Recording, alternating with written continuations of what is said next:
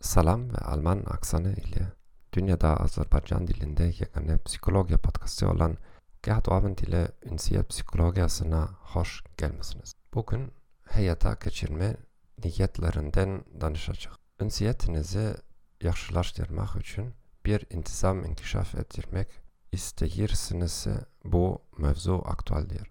İş veya özünü inkişaf ettirme kitapların okusanız bunu artık bileceksiniz. Çok güman ki bir maksede çatmak isteyirsiniz onu dakikleştirmeyiniz daha yaxşıdır. Peter Goldwitzer tarafından edilen empirik tetkikatlar yukarıdaki ifadenin sübutudur.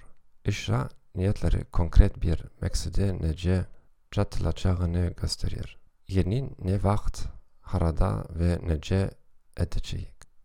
Maksat gelecekte arzu olunan bir vaziyettir. İcra niyetleri bu maksade tabi olan spesifikasyonlardır. Size Golvetsa ve Brandstätter tarafından edilen bir tecrübeden sitat getiririm. Milat tatilinden evvel iştirakçılardan Milad bayramını nece geçirdikleri barede bir hesabat yazmaları istendi.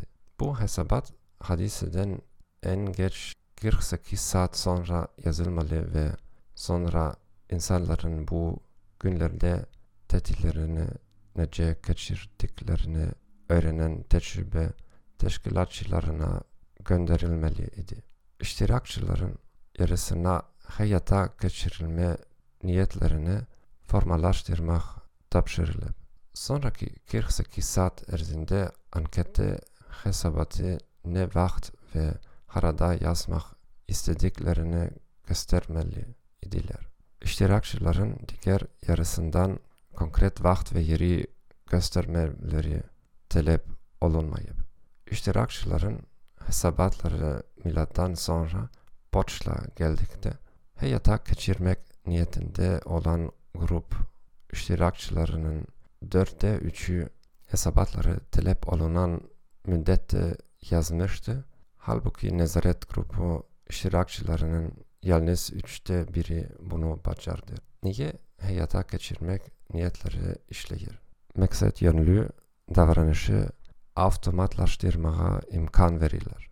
Reaksiyalarımızı evvelciden planlaştırmaktansa hazırda karar vermek daha çetindir. Bu podcast'ı dinlediğiniz için teşekkür ederim. Sene güzel gün hazırlayırım ve sağ olun.